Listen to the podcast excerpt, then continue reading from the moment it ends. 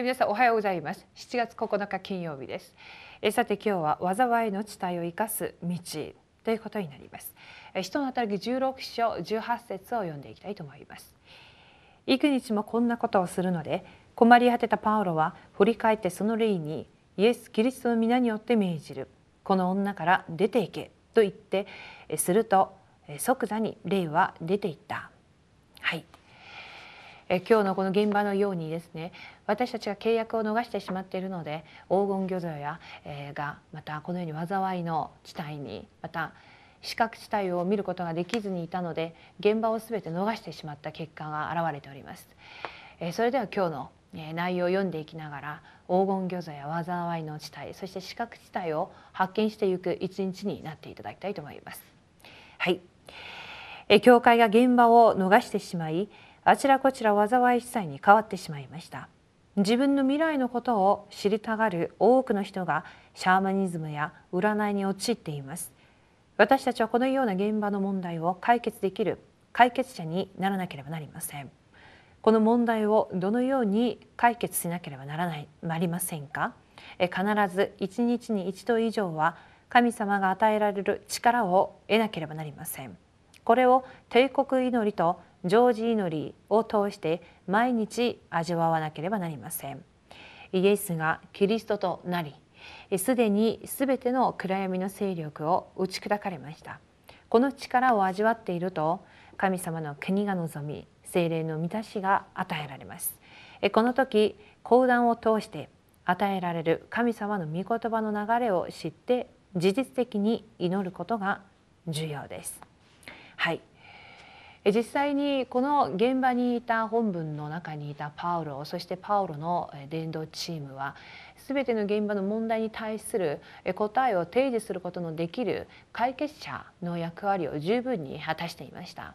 なぜなら彼らは明確なその今日の祈り御言葉伝道がありましたし全てを福音また伝道祈りこのようなスケジュールに変えていくことができたからです。それは彼らは常にイエスがキリストでありそして神の国また精霊の満たしを受けていたからです。なのでいつも祈りながら精霊の導きを受けていく中でまた霊に取りつかれた人やまた多くのシャーマニズムや占いに陥っている人を生かすことができたのです。では私たちも現場でですね実はこのような祝福がすでに与えられているんですが私たちもパウロと同じようなまたパウロの伝道チームがしていたことを私たちも実際体験することができると思います。なのでえ今日このような現場で誠に病んでいる人そして死んでいく人々を生かしていくために私たちは今日神から与えられる力を受けて3つの現場を生かしていく主人公になっていく答えを受けていこうと思います。そのために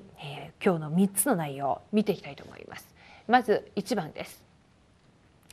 神様から与えられる答えが続きます。はい。これは一体どういうことなんでしょうか。読んでいきます。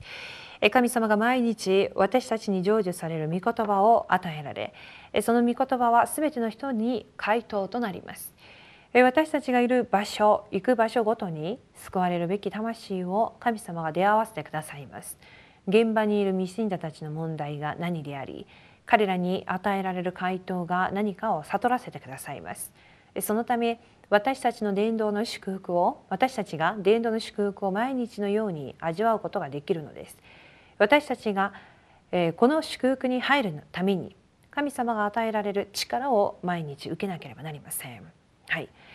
昨日木曜日にその伝道とまた今日の祈りっていうことで伝道スケジュールについてずっと私たちは黙想してきましたけれどもこのように常に私たちが24時間また帝国祈りや常時祈りを味わうためにやはり、契約的な奥義がなければなりません。それは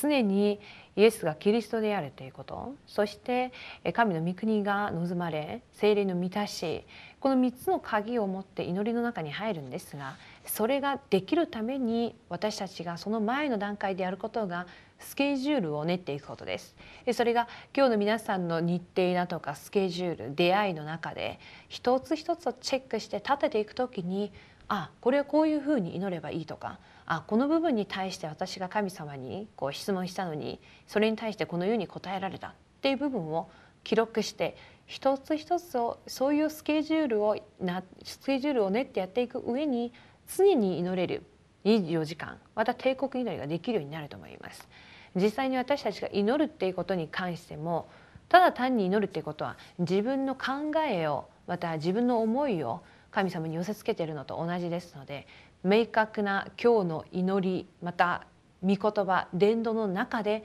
スケジュールを通して一つ一つが整理されていくことそれを生活の中に取り入っていくならば現場が見えてくるしその人に対してどんな答えを与えるべきかということが見えてきます。それが今日のパウロとパウロのチームがやっていたことでありますし彼らは現場を生かしていくそれこそ解決者の役割を果たすことができていたと思います。はいでは大きな2番です。黄金魚像、四角地帯、災い地帯が見えます。はい、神様が与えられる力を毎日受けていると現場が見えます。パウロはマケドニアという現場を見ました。そこで神様が備えられた弟子に出会い、そこを災い地帯にしてしまった占いの問題を解決します。そのために牢に入りましたがそこでも神様が備えられた人を見つけました結局その地域全体を生かす教会の祝福を受けます。はい。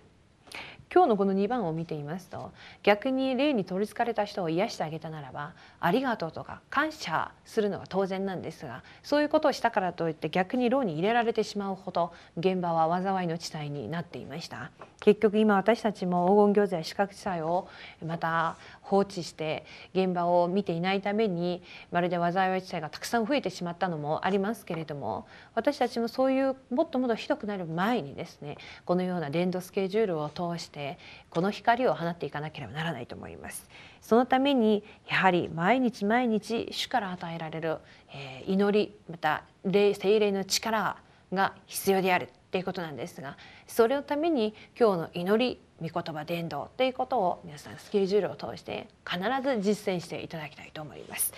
はい大きな3番です。神様の奇跡が起きます。えパウロとシラスが何度も鞭で打たれて牢に入りましたがそのような状況の中で変わらず神様を褒めたたえ祈りました。その後牢の中で素晴らしい働きが起きてすでに備えられていた看守が救われました。このように神様が魂を救う時に驚くほどの奇跡を起こされます。それほど神様は命を生かすことを喜ばれます。ただ一人の魂が戻って天国で大きなパーティーが開かれると言いました。私たちが神様の力を体験毎日体験していると必ずこの祝福を味わうようになります。はい。パウルとシラスが何度も鞭で打たれてまた牢に入りましたけれどもこのようにですね伝道のスケジュールを明確に持っていた人たちは精霊の導きを受けていますからそのような環境や問題に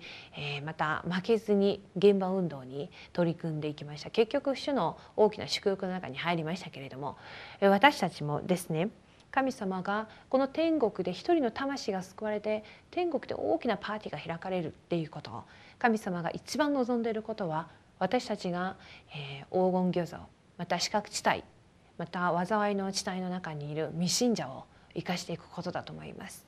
私たちの現場にいる、まだ救われていない人たちの皆さんリストを今日また記録してみる時間を設けてみてください。まだ連絡も、昔1年前2年前に連絡してまだ電話もしたことがないとかいつも昔会話はしたことあるけれどもなぜか今回このメッセージを聞いたら誰々が思い出し誰々のことを思い出したとかそういう人いると思います。そういうリストをですね皆さんリストを書いて祈ってみてください。リストを置いて祈る時に使徒の働き16章31節に記録されたように本当にその日に定められた魂が救われる主の救いの時刻表の中に入っていくと思います。えー、なのでですね今日も皆さん伝道者の、え生活の中で勝利する一日になっていただきたいと思います。それでは今日のフォーラムです。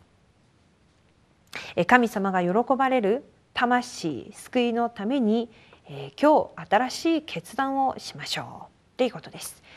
はい、では、えー、今日の祈りの手帳お祈りを通して終わりにしたいと思います。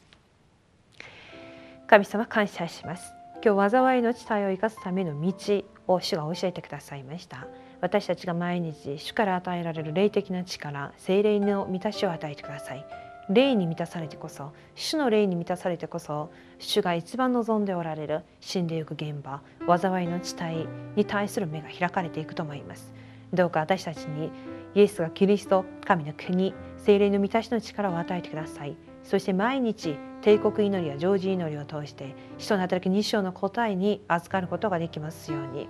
今日も成就される御言葉を与えてください。もしも今私が考えている質問や悩み事があるならば私が抱えている問題に対する神の御言葉を講談今日の祈りの手帳を通してどうか与えてくださいその御言葉を生活の中に入れてスケジュールの中に入れて祈りや考えの中に入れて24時間主の精霊の導きに勝利することができるように願います。すべてを感謝して主イエスキリストの皆によってお祈りします。アーメン